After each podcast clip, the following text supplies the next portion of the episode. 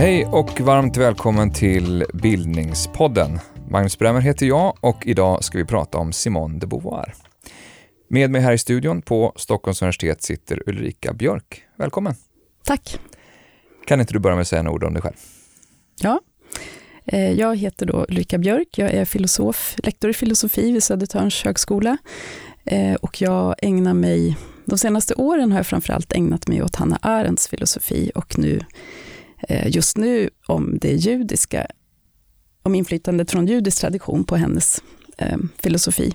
Men jag skrev en avhandling om Simone de Beauvoir, så det är ju henne vi ska tala om idag. Ja, och du kan väl börja med, för lyssnare som aldrig hört talas om henne, vem var Simone de Beauvoir? Simone de Beauvoir var en fransk filosof, författare och mot slutet av sitt liv också feministisk tänkare. Hon föddes i Paris 1908 där hon också var verksam större delen av sitt liv och dog i Paris 1986. Hon var ju tongivande inom den franska existentialismen och man föreställer sig henne gärna på Paris kaféer och barer, mm. där hon och den krets som hon tillhörde gärna eh, satt. De arbetade där. Eh, hon är kanske mest känd för sitt verk Det andra könet och meningen man föds inte till kvinna, man blir det. Mm hon tillhörde också den första generation kvinnor som tog universitetsexamen i Frankrike.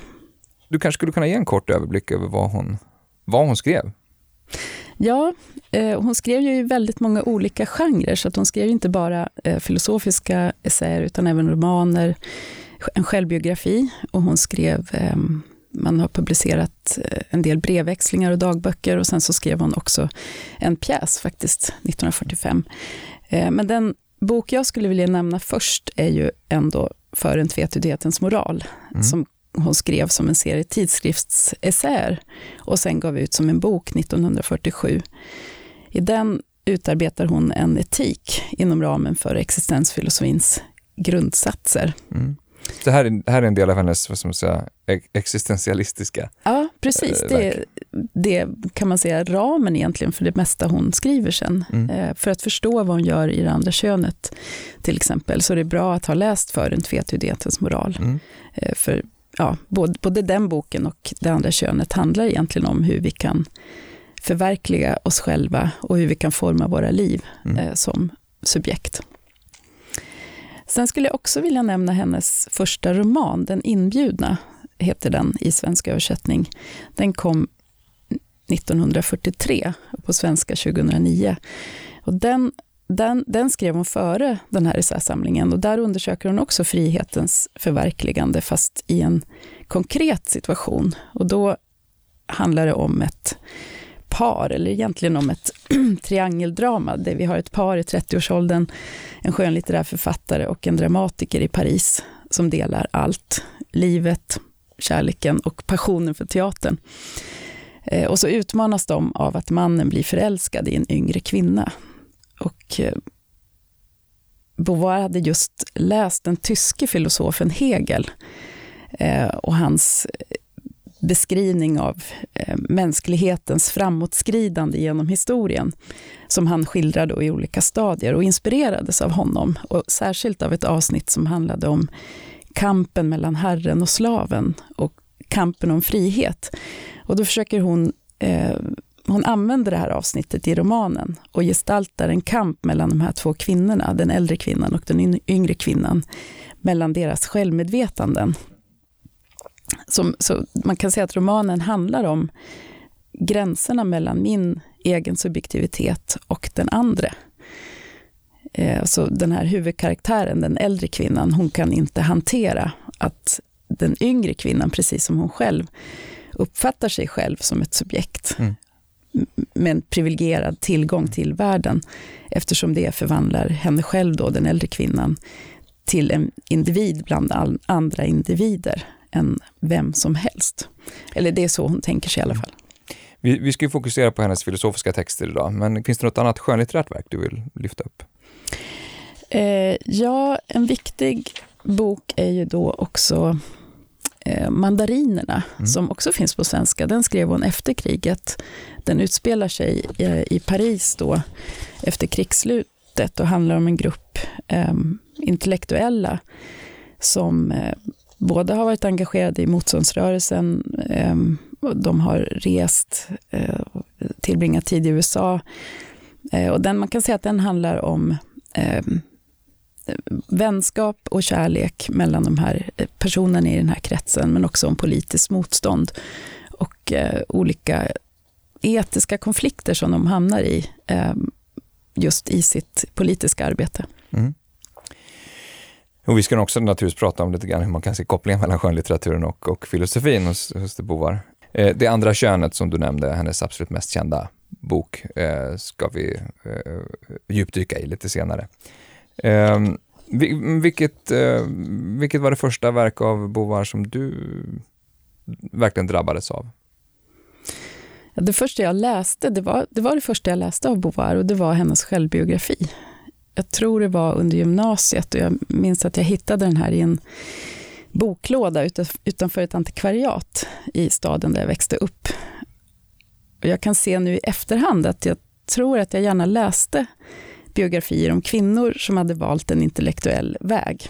Och det handlade såklart om frågan vem jag själv skulle kunna vara och hur mitt liv skulle kunna mm. formas. Eh, för det, man kan säga att det hon gör i självbiografin, det är att hon försöker förstå hur hon blev den hon blev. Och så reflekterar hon också över frågor som eh, handlar om, då mer filosofiskt, vad ett liv är och hur det formas i relation till andra. Mm. Ledde den läsupplevelsen vidare till, till andra texter av Beauvoir sen? Då? Inte omedelbart faktiskt. Jag läste, jag läste självbiografier och så läste jag romaner, men eh, det var först efter att jag hade läst Det andra könet som jag nog på allvar började intressera mig för, eh, för Beauvoir. Mm. Ur ett mer akademiskt perspektiv, som filosof. Det här, Simone de Beauvoir är ju en, alltså en historisk personlighet som jag tänker många känner till, även om man inte har läst hennes verk. Lite som äh, existentialisterna är, är ähm, lite kulturhistoriska superstjärnor på sätt och vis. Ähm, vad skulle du säga är den vanligaste missuppfattningen när det gäller Simone de Beauvoir som historisk person eller, eller tänkare eller så? Ja, men det är nog att hon inte var filosof. Mm. Det tänker jag är både en missuppfattning och en fördom också. Um, I uppslagsverk om den europeiska filosofin så kan hon fortfarande nämnas i förbigående och bokstavligen faktiskt som en fotnot till eh, Jean-Paul Sartre, som då ofta får representera existentialismen. Som hon, eh, så att han uppfattas som tänkaren och hon som författaren. Ja, för till och med när man bildgooglar Simone de Beauvoir så, så dyker ju Jean-Paul Sartre, hennes livskamrat, upp på, på ganska många av de här bilderna. Mm. De, de, är kända som en, som en, en dynamisk duo. Uh, men vad skulle du säga att det, det, deras relation har betytt för bilden av de två och kanske specifikt för Simone de Beauvoir? Då? Ja, men en seglivad bild, eller myt då, kan man säga, är just den här att han var filosofen och hon en sorts epigon eller samtida efterföljare som utvecklade och tillämpade hans idéer litterärt och sociologiskt, men inte hade några egna egentligen. Samtidigt och det, det är helt fel? Ja, det är fel. Ja, mm. Precis. Eh, eh, samtidigt så tror jag att deras relation har inspirerat många intellektuella kvinnor framför allt. Den har blivit bilden av ett modernt sätt att leva tillsammans i jämförelse med traditionellt äktenskap och familjeliv. Ja, för det har lite med att det var en, sägs ha haft, varit en öppen relation. Ja, de, hade, de slöt någon sorts, de kallar det för pakt, eh, som gick ut då på att de, de hade en relation och de kunde ha, eh, de hade ett öppet förhållande, men villkoret för det var att de skulle berätta allt för varandra i detalj om vad som skedde um, på de här utflykterna. Okay. Um, men jag tror att den här formen att leva har, har samtidigt liksom för, för, förkroppsligar ett, ett ideal om att, att känsla och intellekt kan förenas i en ömsesidig och jämlik relation. Mm. Jag tror att det var, det var det de ville åstadkomma och det tror jag har varit viktigt. Det var viktigt för henne också. Man ser dem ju ofta framför sig på något av alla de här kaféerna eh, på Vänstra stranden i Paris. För det verkar ha varit en, en väldigt ömsesidig relation, alltså ett ömsesidigt intellektuellt eh, utbyte. Ja, jo men det, det var det. Och den här bilden, som, som, den här felaktiga bilden av att hon då eh, tog över och, och, tänkte vidare på det Sartre hade påbörjat ofta eh, har ju visat sig vara felaktig också om man eh, läser hennes eh, dagböcker och, och, och, deras samtal, brev, brevväxling. Brev som de skrev under krigsåren till exempel, när han, eh, där det visar sig att han ofta har tagit intryck av hennes idéer också. Mm. Hon var till exempel först, före honom, med att, att, eh, att utveckla en etik, även om han, han hade några anteckningar i slutet av Varet och intet om um, en sorts skiss till en etik, men han gjorde aldrig någonting av det och då, då blev det hennes projekt. Och ordsdefinitionen av vad en etik är, för lyssnare som inte vet? Ja, en moralfilosofi alltså. En, en, en, det hon gjorde i För en tvetydighetens moral, det var att hon försökte utarbeta en etik som utgick från den här idén att vi eh, från existentialismens eh, grundläggande idé att vi, vi, vi, liksom, vi är utkastade i verkligheten Eh, och vi, har, vi är fria att själva välja och bestämma hur vi ska utforma våra liv och hur vi ska eh, handla. Och vi är också ansvariga för våra handlingar. Eh, och det här det, det är ju liksom början till en etik, redan den mm. idén. Hon är ju också en väldigt viktig feministisk tänkare. Men vilken status har hon idag inom feminismen, skulle du säga? Jag tror att de flesta skulle erkänna henne som banbrytande för sin tid eh, och också ställa sig bakom idén att vi inte då, varken kvinnor eller män, är biologiskt determinerade, som man brukar säga, eller förutbestämda. Vi har, det finns inget biologiskt eller psykologiskt eller historiskt öde som bestämmer vilka vi blir som kvinnor eller män, utan den sociala omgivningen och framförallt vår egen upplevelse och tolkning av vår situation är avgörande för vår identitet. Mm. Den idén skulle de flesta ställa sig bakom. Sen tror jag samtidigt, det, är en, det är en av sakerna hon säger i Det andra ja, könet. Det är, mm. jätte, mm. det är kanske en av de mest, den, den, grundläggande idén egentligen i det andra könet. Um, men sen så tror jag också att, att många tycker att hon Alltså det finns också en, en, tolkning av henne, just det här att hon, hon betonar, hon talar så mycket om kvinnan, eh, att, att det finns någonting essentialistiskt över att vilja hålla fast vid den kategorin, tror jag många skulle säga idag. Eh, och sen att också kvinna ändå är någonting annat än att vara, eh, skiljer sig på något ja, fundamentalt precis. sett från att vara man. Ja, precis. Och det finns också, kan man säga, två huvudfåror i, i liksom den feministiska filosofiska tolkningen av henne. Den ena går liksom i en konstruktivistisk riktning med Judith Butler, där man tänker sig att eh, identitet är eh, våra, våra identiteter, eh, till och med våra kroppsliga eh, identiteter, är då eh, inte bara genus, utan även kön är konstruktioner, sociala konstruktioner.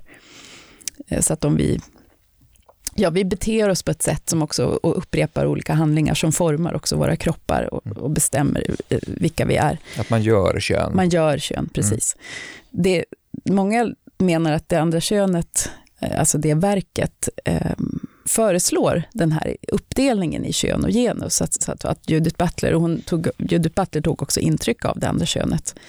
Alltså att det är en tidig teori om genus då, som vi får i det andra könet. Sen kan man säga att den andra huvudfåran då, eh, representeras av en fransk eh, teoribildning som man brukar kalla för könsskillnadsfeminism. Och det är inte en essentialistisk könsskillnad. Alltså det är inte så att man på, på ett enkelt sätt tror att kvinnor och män är biologiskt olika. Alltså det är särartsfeminism? Nej, precis. Det är inte mm. särartsfeminism, eh, utan det är snarare att eh, man tänker sig att den, vår kultur har aldrig egentligen erkänt det feminina, så både som, kanske mer som idé och som, som symbol. Och, som, eh, och, och därigenom så har så, så, så att kvin, kvinnor har på något sätt blivit bedömda och uppfattade utifrån eh, idén om, som, som motsatsen till vad, vad mannen är och det manliga.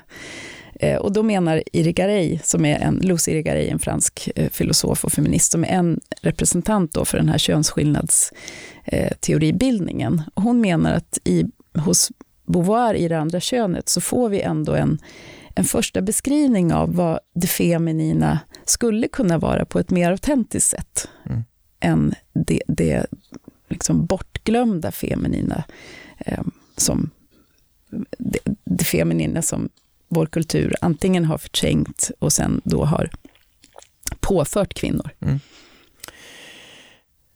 Innan vi, innan vi djupdyker ännu mer i, i eh, Bovars tänkande, eh, någonting mer om hennes bakgrund. Var kommer hon ifrån? Eh, vad, liksom, vad, är relevant att säga om hennes eh, uppväxt, om vi ska börja där? Eh, hon växte upp i en borgerlig miljö i Paris med sina föräldrar och en yngre syster. De här systrarna gick i en katolsk flickskola eh, och hade då turen enligt Bovar, att få studera därför att familjens ekonomi försämrades drastiskt på 20-talet. Annars hade deras framtid varit ganska utstakad. Ehm, Åt vilket håll? Ja, äktenskap med någon man i samma, mm. från samma miljö. Mm. Eh, nu gjorde omständigheterna att både Simone och hennes syster Helene behövde studera och systern fortsatte med konst och Simone de Beauvoir läste då litteratur, filosofi och klassiska språk eh, vid Sorbonne och en annan elitskola i Paris, École Normale Supérieure. Hennes väg till, eh, till sitt intellektuella liv, då finns det avgörande händelser där? Ett viktigt ögonblick var när hon som 15-åring, då, trots sin katolska uppväxt, upptäckte att hon inte längre trodde på Gud. Mm. Och det här försvaret för en etik utan religion i hennes senare etiska arbeten går tillbaka, tror jag, till det här ögonblicket det följer med henne, att, att hon faktiskt blev ateist. Eh, ja, men, för det var hon uttalat. Ja, mm. det var hon. Men att, men att hon ändå, hon var inte nihilist. Hon tyckte inte att tillvaron var meningslös, eh, utan hon hade, hennes etik är egentligen väldigt optimistisk, kan man mm, säga. Mm. Eh, på den här flickskolan så mötte hon också en vän som blev viktig, Sassa, eh, som dog tidigt. Och Beauvoir förbinder den här, eh, hennes död med den instängdheten som hon menar i efterhand då kan se att vännen, hennes vän levde i. Precis som Beauvoir så beskriver hon sin eh, vän som, som nyfiken och intellektuellt lagd, men, men hon blev tidigt kuvad och, eh, i, i hemmet. Och jag tror att man kan också föra tillbaka den här frågan om kvinnors frigörelse delvis på den här barndomsvännens öde. Mm. Finns det någonting som är värt att säga om vad hon intresserar sig för redan så här på under studenttiden? Ja, överraskande nog, eller kanske inte så överraskande, hon var ju, jag skulle nog säga att hon var ganska rationalistiskt lagd, Simone de Beauvoir. Alltså hon trodde på förnuftet och förnuftets möjligheter. Eh, men hon skrev faktiskt en examensuppsats om 1600-talsfilosofen Gottfried Wilhelm Leibniz, mm. metafysik, eller hans teori om, om eh, tillvarons grundlägg mest grundläggande beståndsdelar. Den här uppsatsen har tyvärr försvunnit, men hon berättar om den i självbiografin.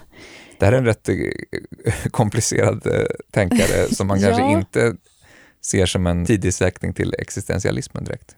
Nej, fast det finns beröringspunkter. Jag menar, eh, han, mellan hans, eh, det man brukar kalla för hans monadologi.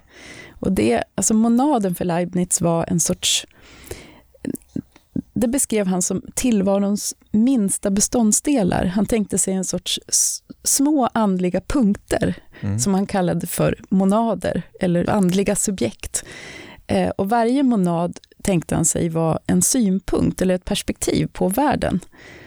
Eh, så att världen har en massa olika perspektiv. Mm. Det är lite som besjälade atomer på något sätt. Ja, ungefär. Och Beauvoirs eh, perspektivism har, tycker jag, Eh, eller det är inte bara jag som menar det, men många anser att, att eh, hennes vilja att betrakta världen utifrån olika perspektiv och gestalta tillvaron utifrån olika eh, individers perspektiv eh, är då besläktad med den här idén om, eh, hos Leibniz om monaderna. Mm.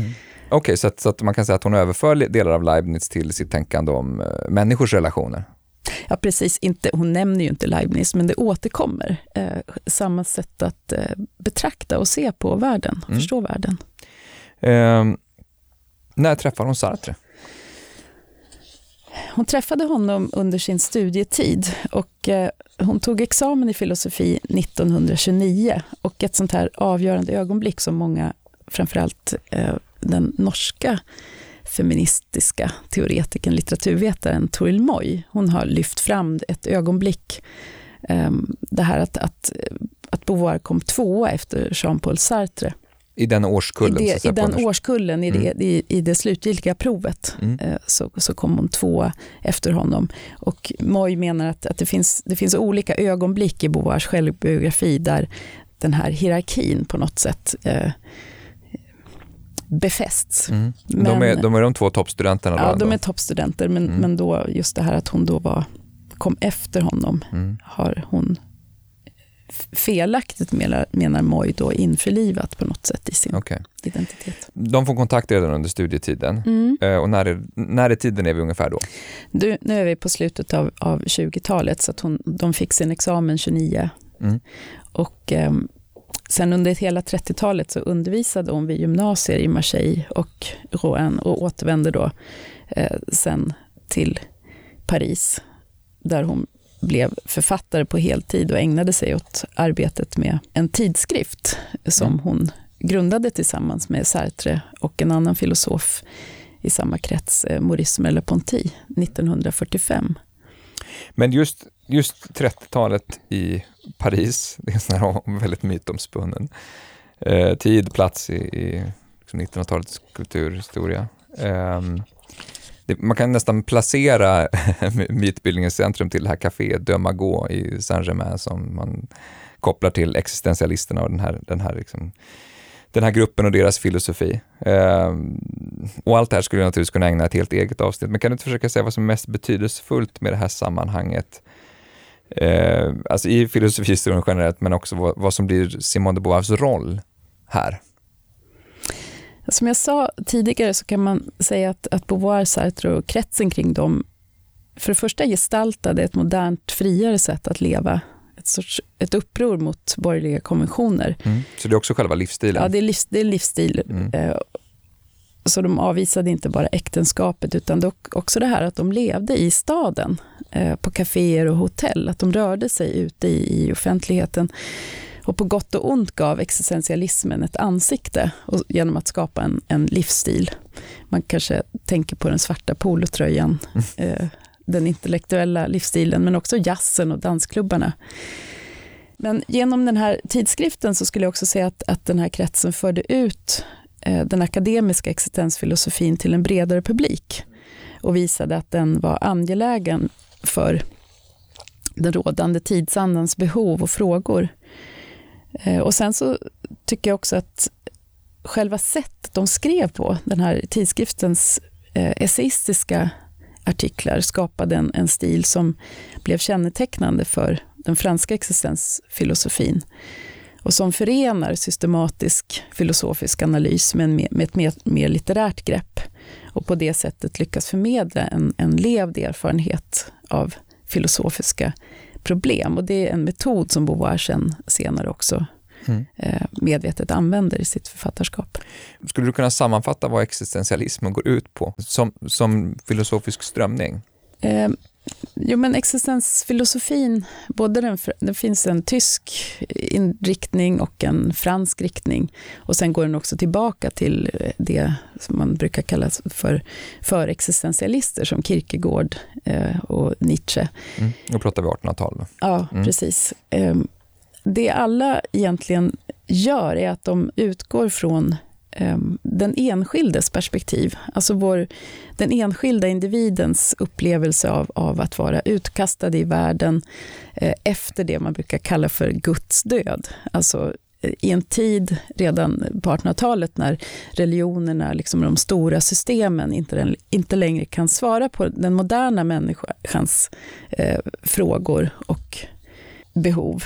Mm. Eh, så mot det religiösa och filosofiska systemet som försöker förstå och förklara verkligheten i dess helhet, så lyfter Beauvoir och, och existensfilosoferna fram människan som enskild tillvaro eller existens. Och som någonting som inte kan eh, tänkas eller förklaras rationellt, utan som måste upplevas. Mm. Tillvaron, tänker de sig, är bara begriplig utifrån ett subjektivt perspektiv. Och utifrån den upplevelsen kan vi börja beskriva vad det är att, att existera. Mm. Man lägger också, eh, eftersom man tänker sig att, att eh, både religionen och, och de här stora systemen liksom har tappat sin auktoritet, eh, så lägger man väldigt mycket ansvar på individen själv att, att, eh, att avgöra liksom hur, vilka handlingar som är riktiga, vilken livsbana man ska välja. Mm. Vad skulle du säga att är, är Simone de Beauvoirs viktigaste bidrag till den här tanketraditionen? Ja, men det skulle jag säga. Dels är att hon, hon verkligen betonar eh, den här idén att, att vår tillvaro är tvetydig. Att den vi, de tänk, hon tänker sig att, att människan är en situation och den här situationen rymmer liksom både sånt som, är, sånt som vi inte kan förändra, vi är bundna av att vi är kroppsliga, vi, vi befinner oss i en viss tid, på en viss plats i historien. Vi vet att vi, vi kommer att dö, så vi, vi är liksom inte oändliga utan vi är ändliga. Eh, och vi är inte autonoma heller egentligen. Vi, vi är beroende av andra människor. Så på olika sätt är vi både bundna, men sen så har vi också en viss, givet de här omständigheterna eller det som binder oss, så har vi också en viss frihet ändå att bestämma hur vi vill eh, leva och hur vi, och, och det var som väldigt viktigt för Beauvoir, att förverkliga oss själva i olika livsprojekt. Och man kan säga att hos, hos Sartre, då, som hon ju ofta förknippas med, som vi sa, där kan man säga att det finns en, han drar liksom mot en mer dualistisk syn på den här mänskliga tillvaron. Att han gör en, en lite skarpare åtskillnad mellan kroppen och medvetandet. Eh, Medan hon betonar verkligen och, och, och, insisterar på att vi kan inte skilja, vi måste hela tiden tänka oss som att vi är alltid både och. Eh, situationen rymmer både bundenhet och eh, både beroende och oberoende. Och, och, det gäller liksom på flera områden. Det gäller både relationen eh, kropp och intellekt och det gäller jagets relation till andra människor och sådär. Mm, mm. Precis, och, och eh, eh, ja, det, vad ska man säga, det ändliga och det oändliga. Det är mm. att vi, vi, vi, vi vet att vi ska dö, men vi kan inte tänka oss att vi ska dö. Mm. vi, vi vet det, men vi kan liksom inte uppleva det. Eh, det är någonting vi, det, det är abstrakt för oss. Innan vi eh, tar oss an de här två filosofiska verken. Ska vi säga något mer om, om relationen mellan hennes eh, filosofiska tänkande och hennes skrivande? För hon skriver ju som sagt både romaner och eh, en känd memoarskribent också. Mm. Eh, hänger allt skrivande ihop eller är det liksom helt olika ja, saker? Nej, men det tror jag. Hos henne ska man nog se eh, de här två sätten att skriva, det skönlitterära och det filosofiska, som förenat av samma intellektuella engagemang. Mm. Så i två artiklar som hon skriver så, så, beskriver hon ganska detaljerat sin syn på det hon kallar för den metafysiska romanen, eller den filosofiska romanen, eh, och om sin erfarenhet som författare. Och när hon beskriver den här metafysiska romanen, då ger hon faktiskt som exempel det här att hon skriver varje kapitel utifrån en persons perspektiv. Så att man får just den här perspektiv relativistiska synen på mm. eh, händelsen eller berättelsen. Då. Så det, det, är liksom ett grepp som hon har i, i, vissa romaner. Men sen hävdar hon också i sin självbiografi att hon använder de här genrerna på lite olika sätt. Så när hon har när, det, när hon vet vad hon vill säga, när hon har en ganska tydlig tes om en filosofisk fråga, då använder hon essäformen, den filosofiska essän.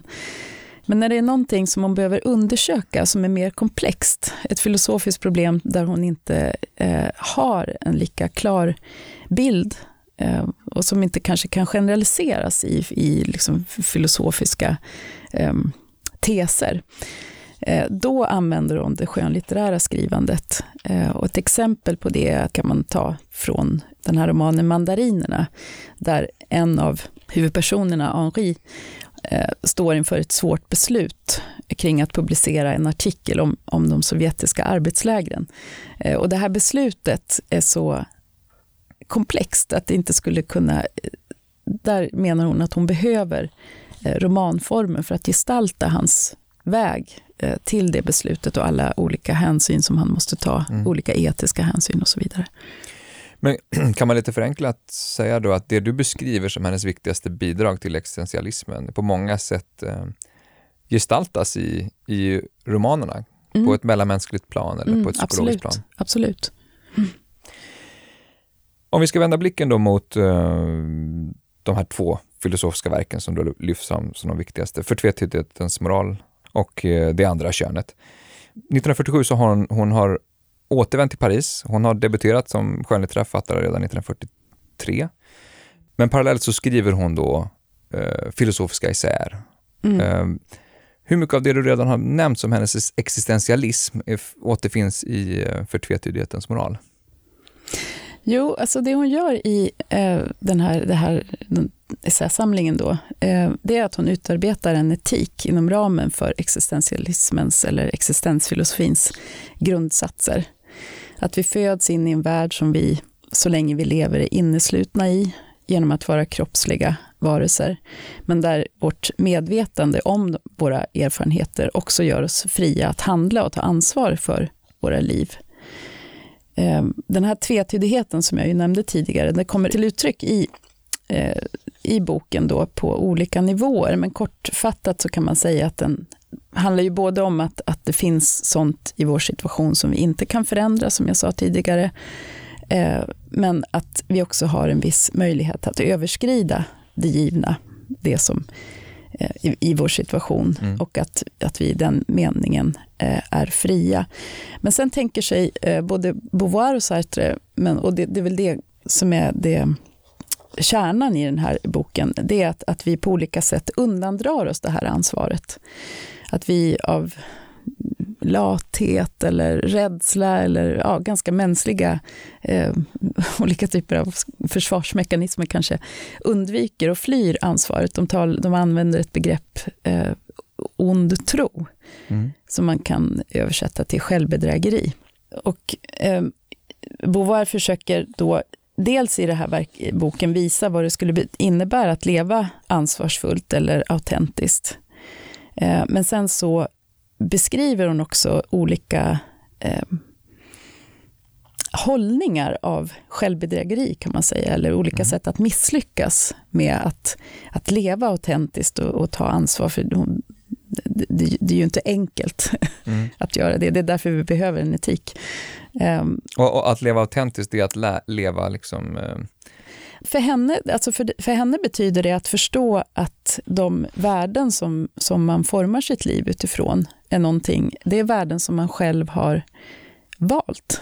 Mm. Så att det är inte någonting som, som att, att leva, ett, ett sätt att leva inautentiskt, det skulle vara att bara överta värden från samhället eller religionen, eller, utan att liksom reflektera över att man själv också väljer de här värdena. Att, att, att vara sann mot sig själv och sina val? ja, mm. precis. Och att på något sätt ta ansvar för sina övertygelser. Mm. Eh, vad man eh, håller för viktigt i livet. Eh, och hon talar om olika typer eller, eller karaktärer då, som är en sorts... Eh, hon renodlar olika typer av, av eh, hållningar. Eh, som allvarsmänniskor, tänker hon sig till exempel, kan vi lut, lutar vi oss gärna mot auktoriteter som kyrkan eller Bibeln eller staten eller, eh, och lever liksom utifrån givna värden som vi inte då har kanske reflekterat över så mycket, utan vi, vi tar över dem. Um, hon, hon, säger på ett ställe att barn, barn är allvarsmänniskor. Mm. Därför för dem är världen, den är som den är, den är given. Mm. Vuxenvärlden är ju given. Uh, och det är först i tonåren som, som vi alls har möjlighet att, att börja leva autentiskt. För det är då vi förstår att, att uh, vuxna, vuxenvärlden är också en mäns, det är en värld som är skapad av människor. Den mm. är inte given. Um, utan den, den, den, kan förändras om, om man blir liksom delaktig i det här. Och det här, tänker hon, kan liksom skapa en, en sån besvikelse så att man kanske slår om helt och istället blir en nihilist. Mm. Eh, så, eh, I besvikelsen över att, att det inte finns några absoluta värden som, eh, så, så kanske man förnekar värden, att det skulle finnas värden överhuvudtaget. Mm. Är det här hennes egen vändning mot ateismen?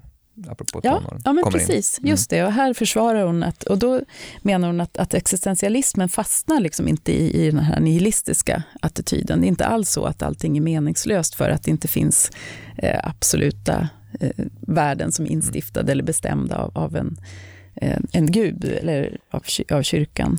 Eh. Men eh, tvetydigheten i titeln, vad, vad, vad syftar den på mer specifikt? Ja, I det här sammanhanget så syftar det också på den, alltså den osäkerhet som den här eh, situationen också skapar. Att, att, å ena sidan så måste vi ju bestämma oss för vilka värden vi vill leva utifrån. Å andra sidan så kan vi inte veta om, de, om det är rätt. Det mm. finns ingen instans som skulle kunna tala om för oss att, att vi har absolut rätt, eller ob, rätt i någon objektiv mening, utan vi måste ändå, utan att veta vad konsekvenserna av våra handlingar blir eller hur våra liv kommer att gestalta sig, så måste vi ändå välja och bestämma oss. Mm. Ehm, det skulle man kunna säga liksom är ett uttryck för tvetydigheten. Läser man den här essän så blir eh, Beauvoirs stilistiska briljans uppenbar. Mm. Eh, men mm. kanske också hur viktigt formuleringen av språket och stilistiken är för hennes filosofiska tänkande. Mm. Tänker jag. Mm. Jo, de här passagerna där hon beskriver allvarsmänniskan, nihilisten, hon talar också om äventyraren som, och, och den passionerade, som olika såna här hållningar som vi glider mellan. Det är ju redan, det, det är, en, det är litterära beskrivningar. Mm. Uh, Skulle du vilja läsa lite ur verket så man får en bild av hur hon formulerar sig? Ja, gärna. Jag kan ju ta inledningen kanske. Från den stund hon föds, redan i det ögonblick hon avlas, börjar en människa dö. Livets själva rörelse är ett säkert fortskridande mot gravens förmultning. Denna kluvenhet ligger i hjärtat av varje individs organism. Men djuret och växten utstår den bara, medan människan känner den. Du beskrev hennes eh, etik som positiv. Det kanske inte är första man tänker på när man läser att från den första stunden så vet vi att vi ska dö. Men, men hon, kan du säga något mer om vad hon är på väg ja, mot här? Alltså, hennes etik är positiv i den meningen att, att givet de här, å ena sidan är vi utkastade och bundna till världen och vi är bundna till döden som hon ju säger. Vi är bundna att vi kommer inte att leva för evigt utan vi vet att vi ska dö och det är ju liksom en, en, en tragisk belägenhet. Men å andra sidan så tänker hon sig att det är bara i världen också som vi kan förverkliga oss själva och den här situationen. Så vi behöver, eftersom vi är kroppsliga varelser, så kan vår frihet också bara komma till uttryck konkret. Ehm, alltså att tänka sig fri ehm, blir någonting abstrakt, men, men vi kan, vi kan liksom göra avtryck på världen. Vi kan, vi kan skriva böcker som Simone de Beauvoir gjorde. Eh, vi, vi kan eh, ägna oss åt konst, vi kan skapa olika saker. Jag tror att alltså när hon talar om att förverkliga friheten, då är det ofta olika typer av skapande mm. eh, verksamheter som hon tänker sig. Men jag menar, även som, som att jag menar, skaffa sig en utbildning. Så medvetenheten om döden är på sätt och vis bidrar till att ge livet mening också? Ja. Men hon skulle inte säga att, att det bara döden, som, utan det är just alltså att hon, men, hon tänker sig att vi finner liksom en njutning i det här förverkligandet, att det är någonting lustfyllt mm. eh, och någonting som eh, liksom upplevs som, som kreativt och, och eh, att vi upplever friheten konkret i de aktiviteter vi ägnar oss åt. Mm. När hon skriver för tvetydighetens moral så håller hon redan på med med det som senare ska bli då den feministiska klassikern Det andra mm. könet som ges ut 1949. Som är en, en, helt annan typ av text, vågar man väl ändå säga, eh, än essän. Eh, mycket mer politisk, direkt, eh, genusintresserad. Eh, hur kommer det sig att hon kommer till de här tankarna? Som hon egentligen inte har sysslat med innan heller. Nej, alltså om man, om man, om man, läser, jag menar, om man läser hennes tidigare texter, romaner och För en tvetydighetens moral i ljuset av det andra könet, då ser man ju liksom att hon har börjat arbeta lite grann med mm. de här frågorna. Men det som hon hade för avsikt att skriva en självbiografi, eh, men insåg då att hon först måste undersöka vad det hade betytt för henne att hon föddes och växte upp som flicka och inte som pojke. Egentligen var det en filosofisk fråga eh, för henne, om, som ju handlade om, om eh, subjektivitet och vem man är. Eh, så att, så att boken, alltså själva motivation, motivet till att skriva boken var egentligen inte politiskt från början, utan det, det fanns en, en, en, mer grundläggande fråga i bakgrunden. Så det här intresset växer fram gradvis kan man säga? Mm, mm. Jag tror att hon under mellan åren 46 till 49 då så arbetar de på det här verket och det är ju, det är en väldigt omfattande bok. Eh, på franska kom den ut i två delar, men eh, den, den nya fina svenska översättningen från 2002, den kom ut i ett samlat verk då. Och den är på närmare 900 sidor, mm. så det är en stor studie. Eh, och hon började enligt henne själv då läsa allt som hade publicerats om kvinnofrågan på franska och på engelska. Eh, och hon konfronterade oss ofta också med amerikanska kvinnors, vita kvinnors mer frigjorda situation eh, när hon reste i USA på 40-talet. Om, om, om, du skulle börja med att lite kortfattat försöka berätta vad, vad hennes viktigaste argument är på de här 900 sidorna. ja, eh, jag kan försöka. Eh, jag kan försöka göra det lite i punktform då. Mm, mm. Eh, och det första då är att, att kvinnan är inte, men har blivit den andre. Eh, och det går ju tillbaka på den här idén som vi talade om tidigare, att, att man föds inte till kvinna eller man, eh, utan man blir det. Det finns inget förutbestämt öde för något av könen, att vi skulle liksom vara på ett visst sätt. Men, eller, att, eller ens att relationen mellan könen skulle vara på ett, på ett visst sätt, utan det är någonting historiskt, det har blivit så. Eh, och, men, och det här, den, den här underordningen ser hon omkring sig överallt, både i sin, sin samtid men också i det hon läser. Mm. Eh, för hon sätter sig in i en hel del litteratur.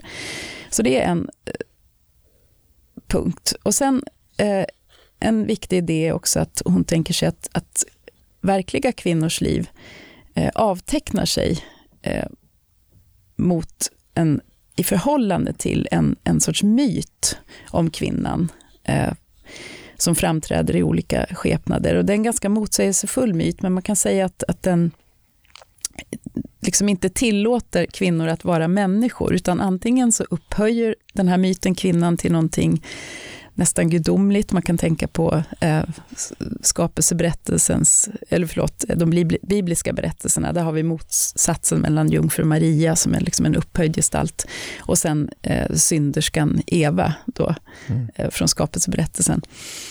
Eh, så att, så att, man antingen upphöjer kvinnan eller nedvärderar henne. Det, det går inte att vara, bara vara en människa. Mm.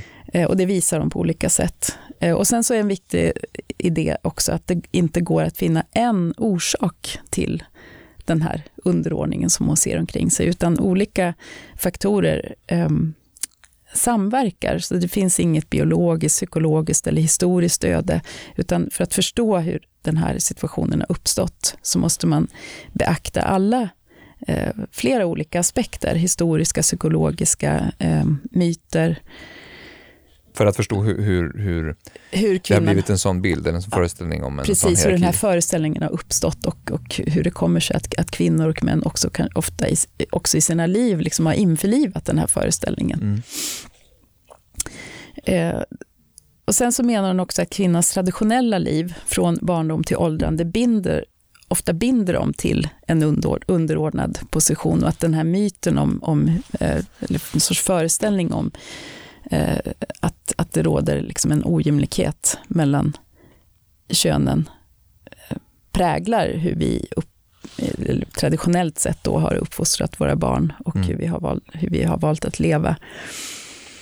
Eh, det betyder inte att hon är emot ett traditionellt eh, äktenskap till exempel, eller mot moderskap, som många ofta tror. Men, men hon menar att det måste väljas autentiskt, det måste väljas fritt. Mm. Eh, det, om det påtvingas eh, så, så är risken att, att, att, att situationen liksom blir en, en förtryckande och eh, instängd situation. Och sen, men sen så menar hon också att kvinnan är inte dömd till underordning, utan hon är på väg mot oberoende. Så det finns en optimism också i, i verket.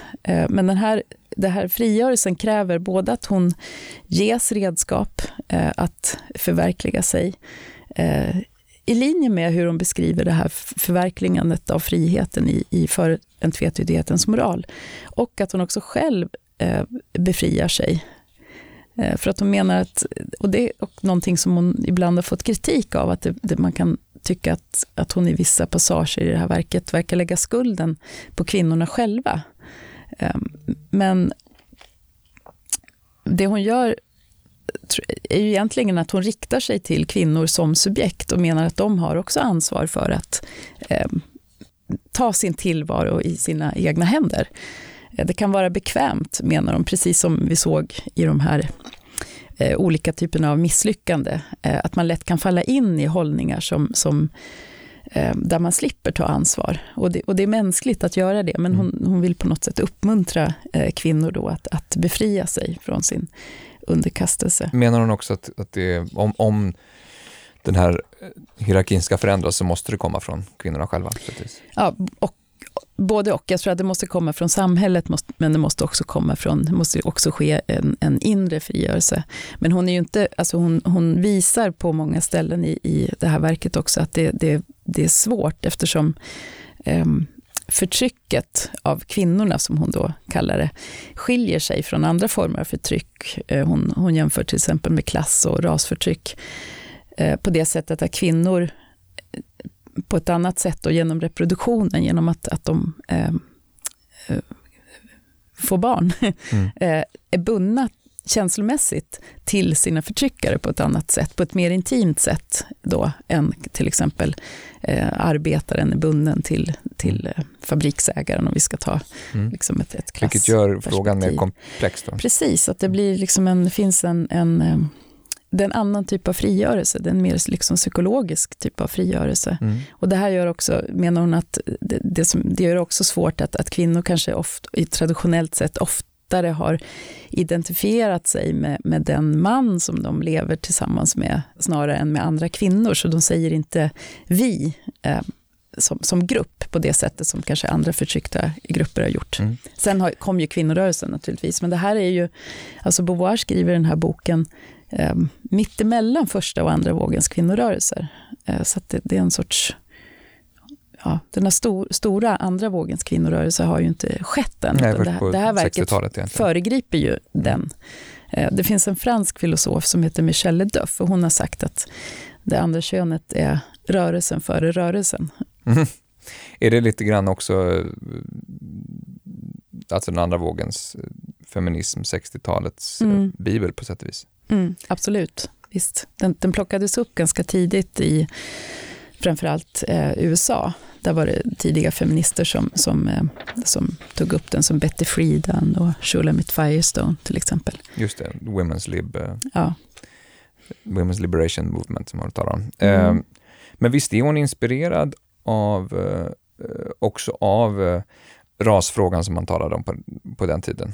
hur svarta situation i, i USA mm. exempel. Ja, det där är lite komplext faktiskt. För att å ena sidan så, så är det tydligt att hon, alltså att, hon, att hon kan se förtrycket mot kvinnorna, eller kvinnoförtrycket, eh, lite grann i linje med ehm, eh, rasförtryck, det rasförtryck som hon såg när hon reste i USA på 40-talet. Å andra sidan så har hon fått kritik också från framförallt eh, afroamerikanska eh, samtida feminister som menar att hon är väldigt rasblind i det andra könet, trots att hon nämner um, hon, nämner för, rasförtrycket i USA, men hon skriver egentligen enbart om eh, vita europeiska kvinnor. Hon utgår från sin egen situation. Mm. Till hennes försvar kan man kanske i och för sig säga att hon, hon det, i enlighet med sin metod, som handlar om att beskriva eh, världen så som den framträder för henne själv. Eh, hon, är, hon är i grunden fenomenolog, metodologiskt sett. Mm. Eh, och där, så, så, så, skulle hon ju, så kan hon liksom bara beskriva sin världen utifrån sitt eget perspektiv och sin egen erfarenhet. Eh, den, den, metoden är viktig därför att hon menar att eh, för att kunna skildra eh, världen så som den framträder för kvinnorna så måste man också ha, så måste hon, hon ha en del i den världen.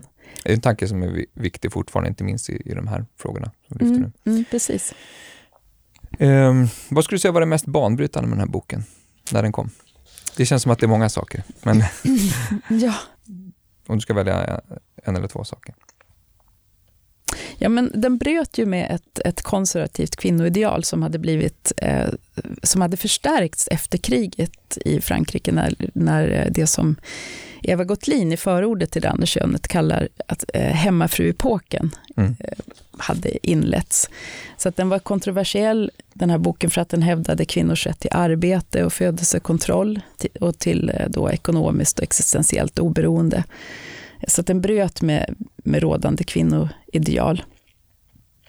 Eh, men sen så eh, var den också skandalös därför att den skildrade kvinnors eh, sexualitet och sexuella problem. Och då ska man komma ihåg att den publicerades före Kinsey-rapporten om eh, kvinnors eh, sexualitet och sexuella problem som kom 1953 och även före Masters and Johnsons sex sexologiska studier som gjordes på 60-talet. Mm.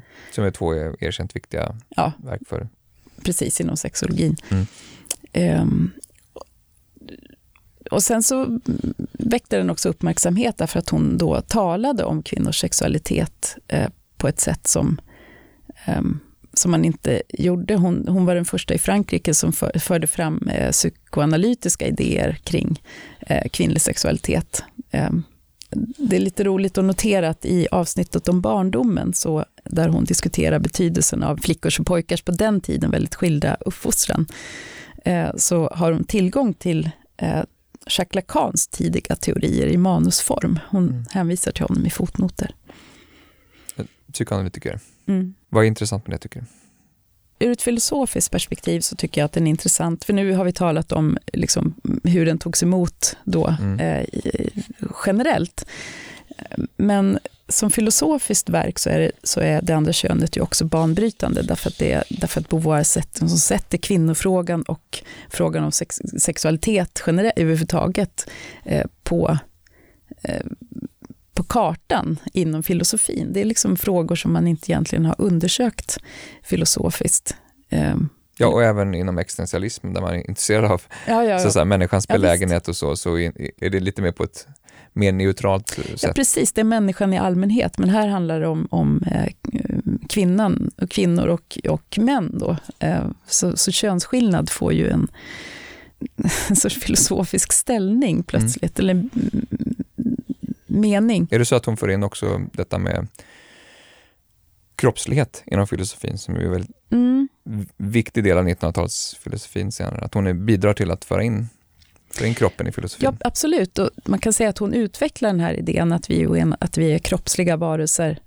Eh, att vi är både kroppsliga varelser och eh, medvetanden. En idé som var viktig för henne i, i det andra könet var en tanke som hon delade med just med Merleau-Ponty som vi talade om tidigare. Det här att eh, jag är min kropp. Att, att medvetandet är förkroppsligat. Så att det, det går liksom inte att gör, dra en gräns mellan, egentligen mellan kroppet och medvetandet. Utan eh, vi, vi, vi, är förkroppsligade medvetanden. Mm. Och den idén kan man säga att hon utvecklar i, i det andra könet genom att, att eh, tala då om hur kvinnor och män upplever sina kroppar på olika sätt eh, och vad det betyder för upplevelsen av subjektivitet för kvinnor att man föder barn, eh, att bli gravid, liksom hur upplever man kroppen då? Hon har eh, ett, ett citat som jag tycker är ganska fint, som hon säger, jag är min kropp, men min kropp är också en annan. Och den upplevelsen menar hon skulle liksom vara mera påtaglig eh, för kvinnor just därför att det, den här processen, att, att ett, annat, en an, ett annat subjekt egentligen börjar eh, ta form och växa i den egna kroppen, den, den blir väldigt, eh, den har intressanta eh, konsekvenser för idén om vad det är att vara ett subjekt. Ehm, så att man kan säga att 60-talets ehm, feministiska rörelses ledord, det privata är politiskt eller personliga är politiskt, eh, hos Beauvoir i väldigt hög grad också någonting som är, att det privata blir filosofiskt på sätt och vis. Precis, och verkligen. Mm. Mm. Vår tid börjar rinna ut här, men jag tänker innan vi slutar, för, för lyssnare som nu direkt vill börja läsa Beauvoir eh, och inte har gjort det tidigare, var ska man börja någonstans? Det är ju svårt eftersom hon skrev så mycket, men jag tycker nog att man ska börja med eh, romanen Den inbjudna hennes skönlitterära debut. Ja, mm. precis. Därför att då får man en, eh, man får, man får en känsla och upplevelse av miljön. Den är ju, det är ju en sån här, um, på vissa sätt en nyckelroman. Så, att, så att den, den är ju skriven uh, eller någon sorts autofiktion kanske Mm. man skulle kunna kalla den. Alltså att den med, med dolda... Ja, det finns eh, dolda eh, Historiska personer som gömmer sig där. Mm. Precis, att, och de rör sig också i den här, de här tre eh, huvudpersonerna, de rör sig i den miljön där Beauvoir eh, var verksam eh, i Paris. Eh, så att man får en känsla för miljön och sen så kan man fortsätta med för en tvetydighetens moral. Eh, därför att då har man också den, har man den inbjudna med sig så kan man se vilka problem det är hon då eh, beskriver mer, mer begreppsligt när, så, Mm. när man har romanen med sig. Men som redan finns i romanen. Precis, de finns redan där och de, de pekar framåt mot eh, essäsamlingen. Då säger jag tusen tack Ulrika Björk för att du ville vara med i Bildningspodden. Tack själv.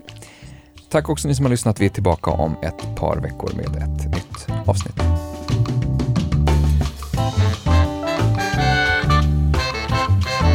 Du har lyssnat på Bildningspodden, en del av bildningsmagasinet Anekdot. Fler poddar, filmer och essäer hittar du på anekdot.se.